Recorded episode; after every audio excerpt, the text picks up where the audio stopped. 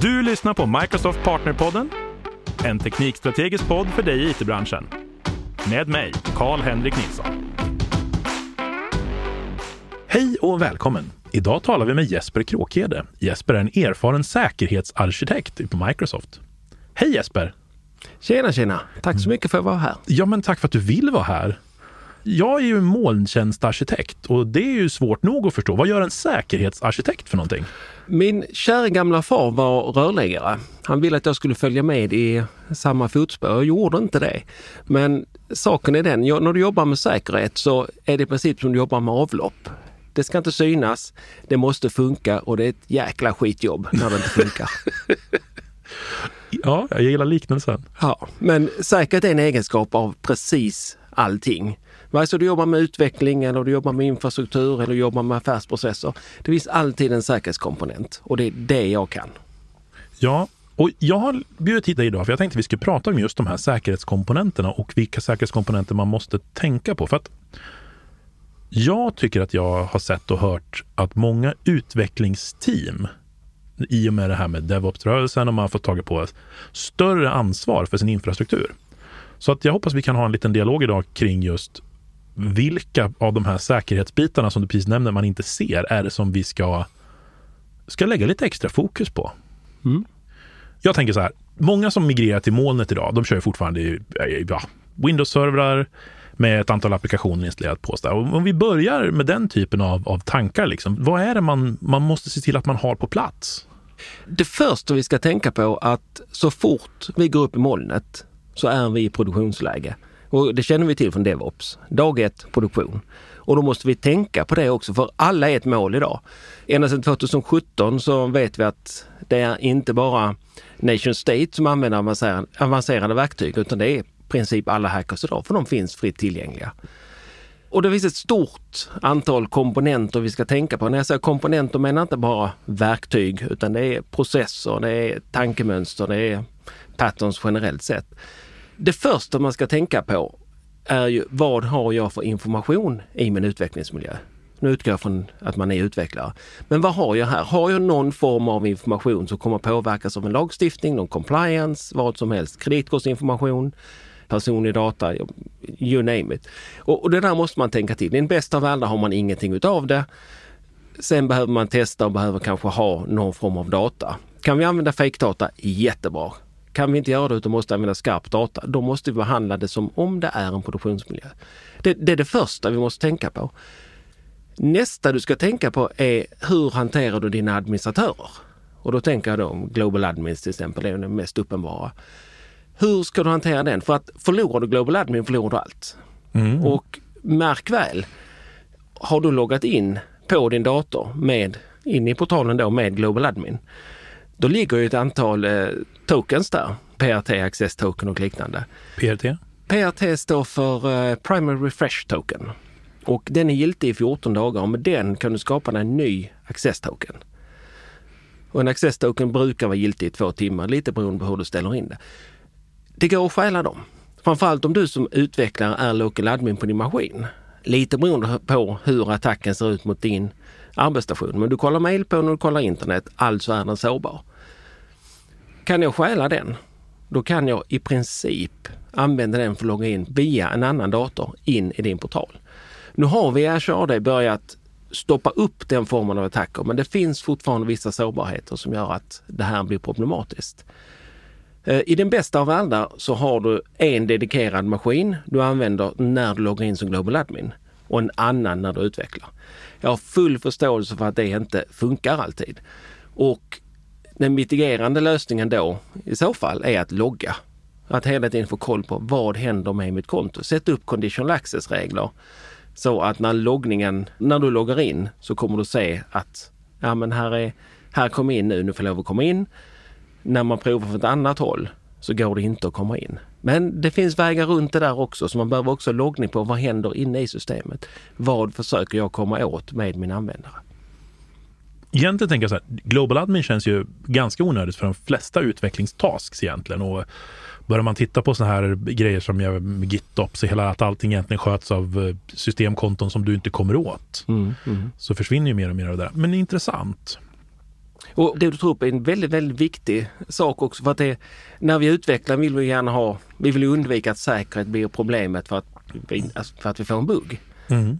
Självklart. Och många tyvärr väljer att fortsätta jobba med Global Admin. Men det första man måste göra är att gå igenom vilka roller behöver jag? Vilka behörigheter behöver jag? Vad kan jag automatisera så att jag slipper råka ut för det här? Mm.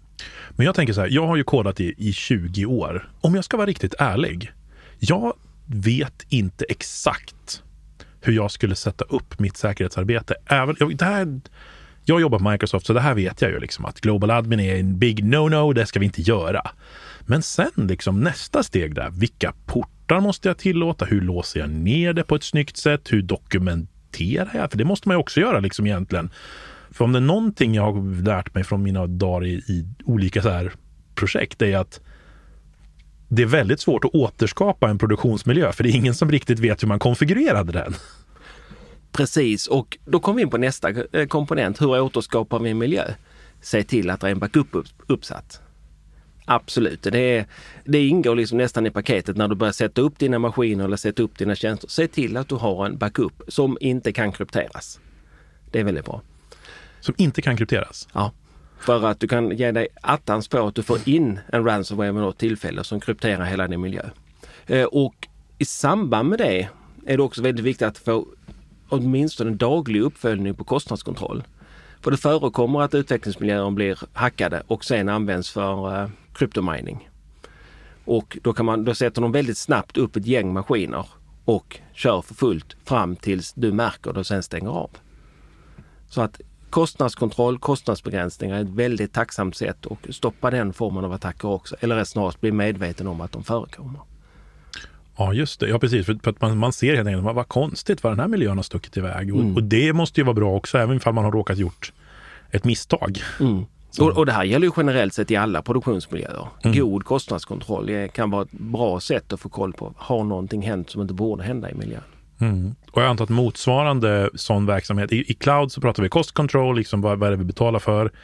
On-prem, då pratar vi egentligen att vi tittar på CPU, hur mycket resurser drar våra, våra poler egentligen? Ja, och det är ju precis det, hur mycket resurser använder vi och vilken form av loggning får man? När det gäller sen portöppningar och hur man ska göra de här konfigurationerna är det enkla sättet att börja använda Compliance Manager och de här standardguiderna för. Så man kan mäta av hur pass säker är jag nu? Gärna köra på eh, Defender for Endpoint, eh, Defender for Cloud eller vad man nu väljer att köra för någonting. Just för att också få en bild av hur ser det ut med patchning på servrarna om man nu kör servrar. Eller hur ser det ut med konfigurationen på min SQL-databas.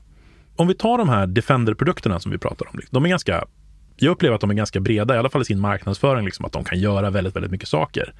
Vad är det vi har dem till? Liksom, vilket problem är det de löser i den här säkerhetsuppsättningen?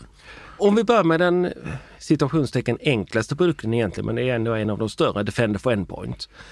Den är vad vi kallar för, jag skulle säga, egentligen kallar vi för XDR och EDR-lösning, men en anti-malware. Den gamla sortens virusskydd. Men den är utbyggd också med hela molnlösning runt om som tar in mer information och skyddar oss i mycket högre utsträckning. Men det är ditt antivirus du lägger på produkten. Sen kan du lägga Defender for SQL på en SQL-server till exempel. Bara för att få information om vad händer i databasen. Vad är det för information vi får där? Sen har vi vi har ett stort gäng olika Defender-produkter för de olika tjänsterna som vi kan se som man kan använda på olika sätt. Innan man aktiverar dem ska man bara kontrollera vad kostar de att aktivera. Vi pratar ändå om en utvecklingsmiljö. Vi vill undvika för mycket kostnader i början. Sen har vi då Defender for Containers som man använder den formen av funktioner där sådant också händer. Eh, något vi ska tänka på att aktivera, framförallt om vi kör servrar, är ju det som kallas för autopatch. För att se till att servrarna uppdateras så fort det bara är möjligt. Och där finns ju i Defender for Endpoints också Threat and Vulnerability Manager. Eh, man behöver en separat licens för den. Defender P1 eller Defender P2. Det, det kan någon sån licensguru. för att få in den här informationen också.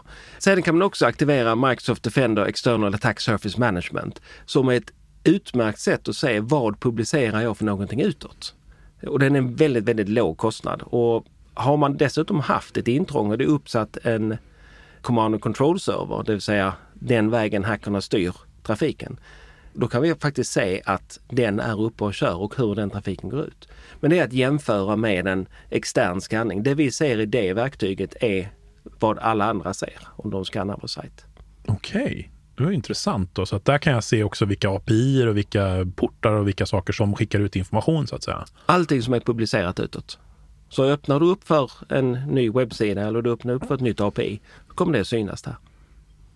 Så där skulle jag även då se så kallade alltså attacker. Om, någon, om det är någon som lyckas hacka sig in och öppnar en SSH-port eller no någonting i den stilen på en container, då skulle det också synas där. Det skulle också synas där, ja. Intressant. Vad heter produkten sa du? Det måste jag kolla upp. Microsoft Defender Attack Surface Manager. Coolt. Okej, okay, men det här är alltså, för det här är Defender-produktsviten som vi pratar lite grann om. För du var inne på liksom att den, den är ändå på något sätt känns det som en ganska vital del av din tanke då kring säkerhetsdelen för en, en cloudmiljö. Den är ohyggligt vital. Just för att få information om olika attacker. Men sen ska vi ha i åtanke att vi jobbar med Zero Trust. Och jag hoppas verkligen när ni utvecklar att ni tänker med modern säkerhet och modern säkerhetsarkitektur med Zero Trust. Och inte inbillar er att brandväggen är någonting att hurra för. Eh, brandväggen fyller en funktion. Jag har flera kunder som har upptäckt det eh, i efterhand. Men den är långt ifrån den enda lösningen på säkerhet. Den är mer en hygienfaktor. Du blockerar en väldig massa trafik. Men om du har en extern brandvägg eller du har brandväggen på dina hostar. Det ger egentligen samma effekt och du har ingen större vinst att ha dubbla brandväggar. Du har större vinst av kontroll på dina brandväggar. När vi tittar på Zero Trust som arkitektur, en av de absolut viktigaste komponenterna är ju identiteten. Du måste ha kontroll på dina identiteter, framförallt administratörer såklart, men även alla andra användare. Men det innebär också att du måste ha loggning på vad gör de för någonting? Och då har vi ju Identity Protection när vi tittar på Azure AD. Och är det som så att ens lösning är beroende av ett Active Directory så rekommenderar jag Defender for Identity, vilket är eh, on-prem-versionen utav Identity Protection, det vill säga för Active Directory i sig. Alltså, det är alltså en, en produkt som vi lägger ovanpå identity providern egentligen för att kunna ha koll på vilka identities som, som rör sig. Just det. För, kan, vad, vad skulle de man, kunna upptäcka för typ av attack? Ett väldigt enkelt exempel är var loggar Global Admin in någonstans? Har en Global Admin loggat in? Vad har de gjort för någonting? Har vi sett att ja, men nu har vi helt plötsligt servicekonto som börjar göra en massa DNS-anrop och det brukar det inte göra. Man tittar på kontots beteende. Det är inte så att man går in och granskar att ja, men nu sitter den och surfar på den sidan och den på den sidan. Det, man, det tittar man liksom inte på.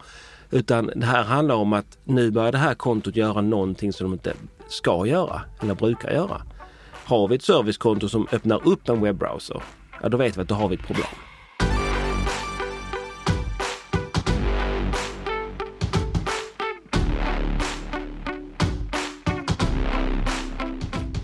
Du nämnde precis här innan att man ska inte lita för mycket på brandväggen. Och så nämnde du Zero Trust. Om vi börjar liksom med så här, varför kan vi inte lita på brandväggen?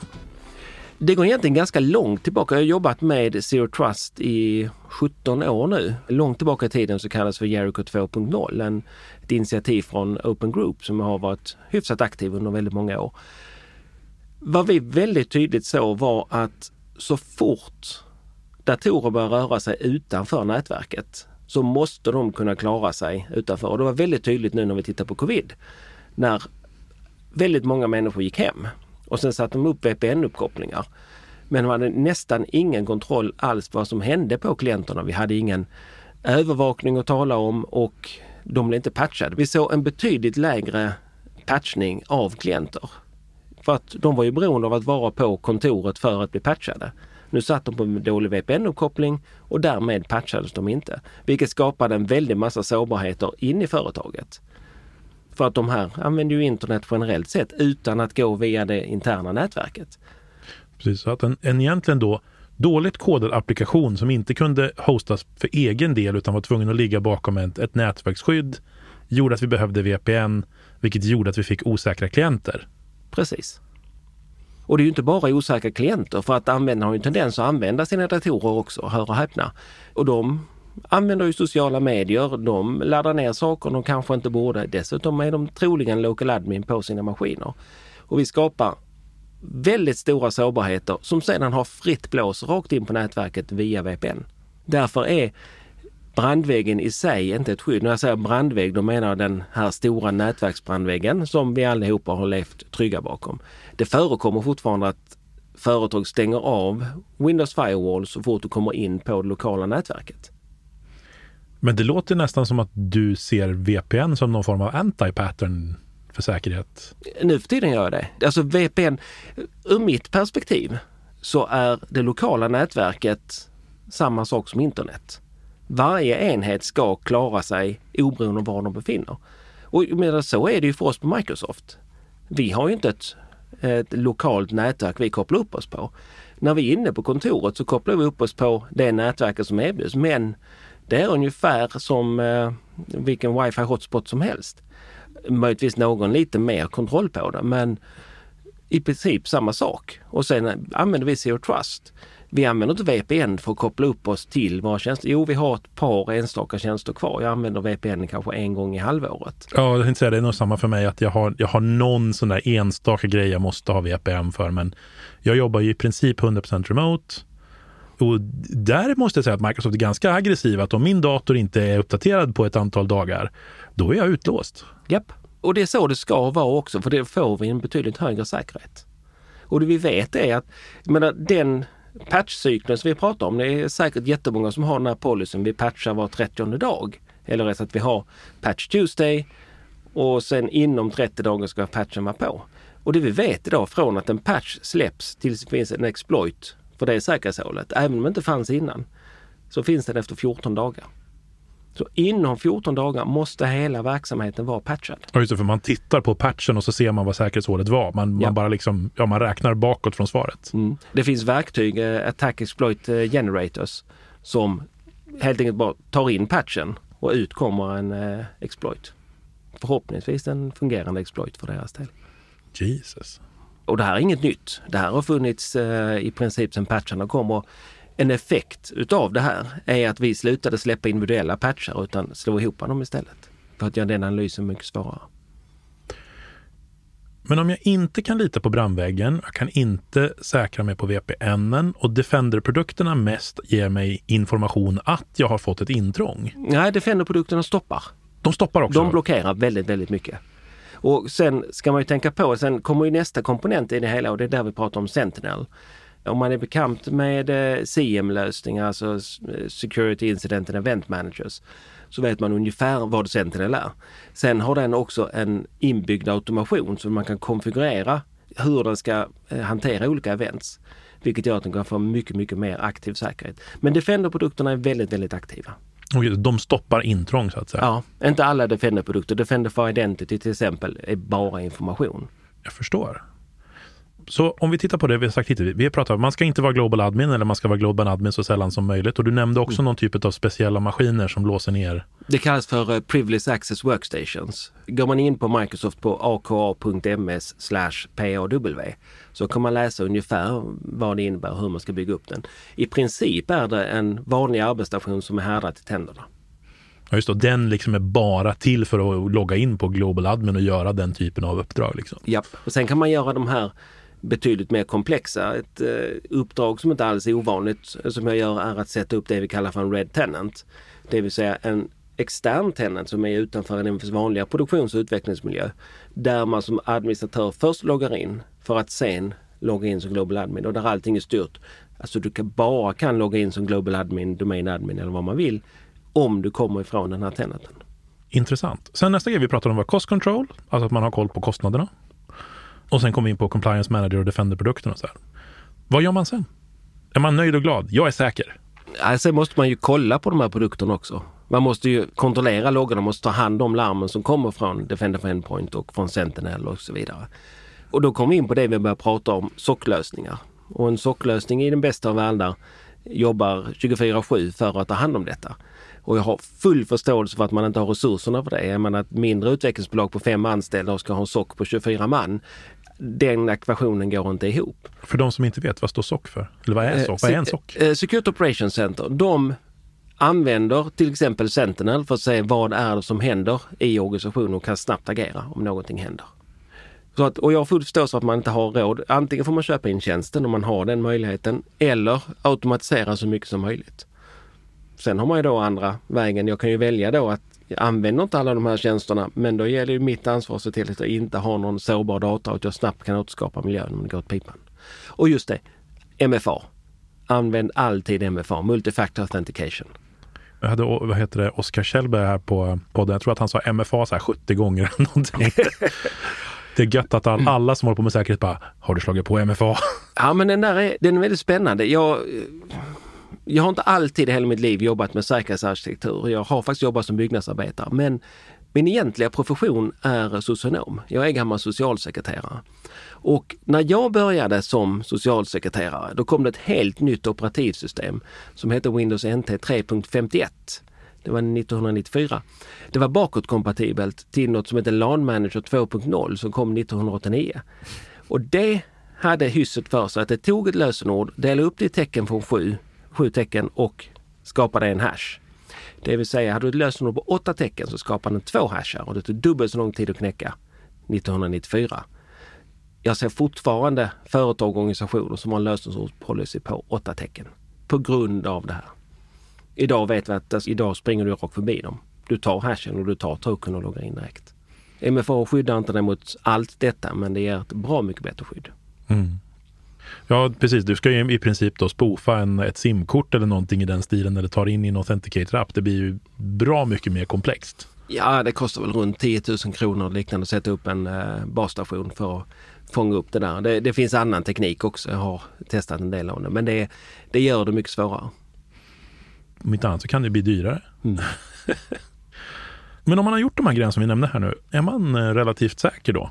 Ja, relativt är ordet jag kan liksom inte säga att du slänger in alla de här produkterna så är du säker. För det ja, handlar du... jättemycket om hur du själv jobbar sen, hur, vilket riskmedvetande du har.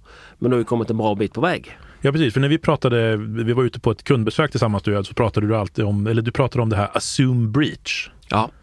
Att man ska helt enkelt förutsätta att man har blivit hackad. Ja, det vi vet, alltså tittar vi tillbaka igen på den gamla nätverksarkitekturen, det här med brandvägg och liknande. Då byggde man skydden på ett sådant sätt att man kunde inte bli hackad. Det var så man tänkte. Sen blev man hackad i alla fall, men det var ju någon som hade gjort ett fel någonstans. Mm. Assume breach innebär snarast att vi utgår från att det kommer alltid att vara fel. Vi kommer att bli hackade, men vi kan upptäcka det väldigt snabbt. Och kan vi upptäcka det snabbt kan vi ta action snabbt. Kan man då också egentligen, om man, om man tänker hela tiden nu Zero Trust och Assume Breach och hela den grejen, kan man då också tänka sig att man faktiskt bygger sin applikation på ett sådant sätt att du får access hit och där upptäcker jag det, men där har jag inte access till den och den här typen av data och sådana här grejer. Mm.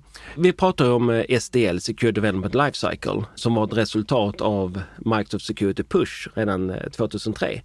En del av hela detta är någonting vi kallar för Threat Modeling. Och av alla saker man ska lära sig när man jobbar med utveckling så är det threat modeling som är det viktigaste.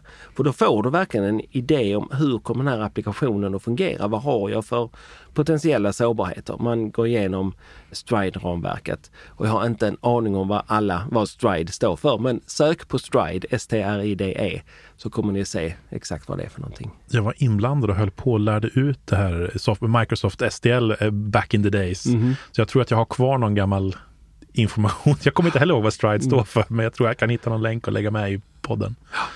Jag tycker det är lite intressant, för alla som jag intervjuar kring säkerhet tenderar att prata om just det här vikten med att ha en threat model och ha en plan. Vad kommer att hända? Hur ska vi göra det här liksom? Det känns som att många säkerhet, nu kanske jag lägger orden i munnen på, på er, men det känns som att många säkerhetsexperter upplever att vi har inte planerat så mycket för säkerhet. Det är helt rätt. Alltså det, och någonting av det farligaste vi kan göra är ju att försöka lägga på säkerhet i efterhand. Det går att göra, man kan komma väldigt långt med det men det kostar ungefär tio gånger så mycket. Och skulle det visa sig att vi får ett intrång så kostar en sån utredning ofantliga massa pengar. Om man nu behöver hjälp att återskapa. Vi pratar minimum 6-8 miljoner kronor för att få hjälp att återskapa miljön om man inte kan återskapa den själv. Det är mycket pengar. Det är väldigt mycket pengar. Men om vi, om vi försöker liksom summera ihop det vi pratar om egentligen då. Du sa först och främst, så fort man går till cloud så är man i production. Ja. Så att egentligen så fort du börjar deploya i cloud så ska du börja tänka säkerhet och produktionsnivå på säkerhet. Ja, precis. Jag skulle säga att innan du börjar deploya någonting så ska du säga vilka säkerhetsprodukter vill jag ha installerade? Vad har jag råd med? Och hur ska jag få det att funka? Vi pratar ibland om en Azure Landing Zone och mm. den ska ju vara färdigkonfigurerad med de säkerhetskomponenter jag vill ha med en fungerande accesskontroll så att jag får kontroll på hur det, vem som ska ha access till vad. Det ska jag planerat igenom innan. Och där kan jag även ha med den här kostkontrolldelen som vi pratar om, att jag mm. får information om vad varje individuell landing zone faktiskt kostar om det är någon som drar iväg i. Absolut. Och en viktig komponent i det här också, du anger ju en kontaktperson på varje tenant. Och den kontaktpersonen ska vara en mailbox och helst telefonnummer som du vittjar väldigt ofta. För att är det någonting som händer, om vi ser att en nation state börjar attackera din tenant av någon anledning, så är det den personen, de kontaktuppgifterna vi sträcker ut en hand till och säger att här är någonting på gång. Och det kan vara sånt som ni inte ser än för det är ett helt nytt attackmönster. Ja, just det. Och den är, den är jätteviktig att man inte glömmer bort den där. Sen måste man också se, om vi jobbar ihop med en service provider som, ja men låt säga att vi köper, vi köper Azure Tenant via en eh, tredje part. Absolut, men då gäller att vi har koll på vilken access har de in i vår miljö? Vilka konton sitter de på så att de kan återställa lösenordet för Global Admin och liknande? För att åker de dit så kan vi åka dit. Det är det vi kallar för supply chain attacker. Och det har vi sett jättemycket. Så man, I sin plan måste man även då titta så här, hur köper vi våra molntjänst? Japp, precis. Och vilken access kommer den leverantören jag anlitar att ha in i min miljö? Helst inte, men du, vi ska börja runda av lite grann. Så klockan springer iväg i vanlig ordning när man sitter och har intressanta samtal. Men om man lyssnar på oss nu och sen har man ändå, man har byggt en framgångsrik applikation eller man har byggt applikationer åt kunder och så tänker man att jag har inte gjort speciellt många saker av de här sakerna som nämndes nu. Var ska man börja då grotta på måndag liksom när man hör det här? Man kan gå in på våra learningssidor och eh, leta efter Azure Security Best Practice. Det är ett väldigt bra steg. Man kan också gå in och läsa om Operation och Security, just att förstå hur, vad ska jag tänka på, hur fungerar säkerhet, basal säkerhet. Och där är ganska fina checklistor som man kan jobba igenom också. Sen har vi en massa partners som är väldigt duktiga på säkerhet också som man också kan ta in för att få den här hjälpen om man inte klarar av det själv. Ja, men precis. Man, man tar hjälp helt enkelt om man känner att man inte har kompetensen för att snabbt komma på banan. Mm, mm. Och glöm inte backupen. Det är det första du ställer in. Säg till att du får backup på dina miljöer. Och den ska inte gå att kryptera? Den ska inte gå att kryptera. Hur ser man till att den inte går att kryptera? Ja, man kan använda eh, Azure Backup till exempel. Snyggt! Lite reklam också. Ja. Jättestort tack för att du kom och snackade med mig idag Jesper. Absolut, det gör jag gärna igen. Tack. Du har lyssnat på Microsoft Partnerpodden med mig, Karl-Henrik Nilsson. Som vanligt hittar du information och resurser på aka.ms partnerpodden.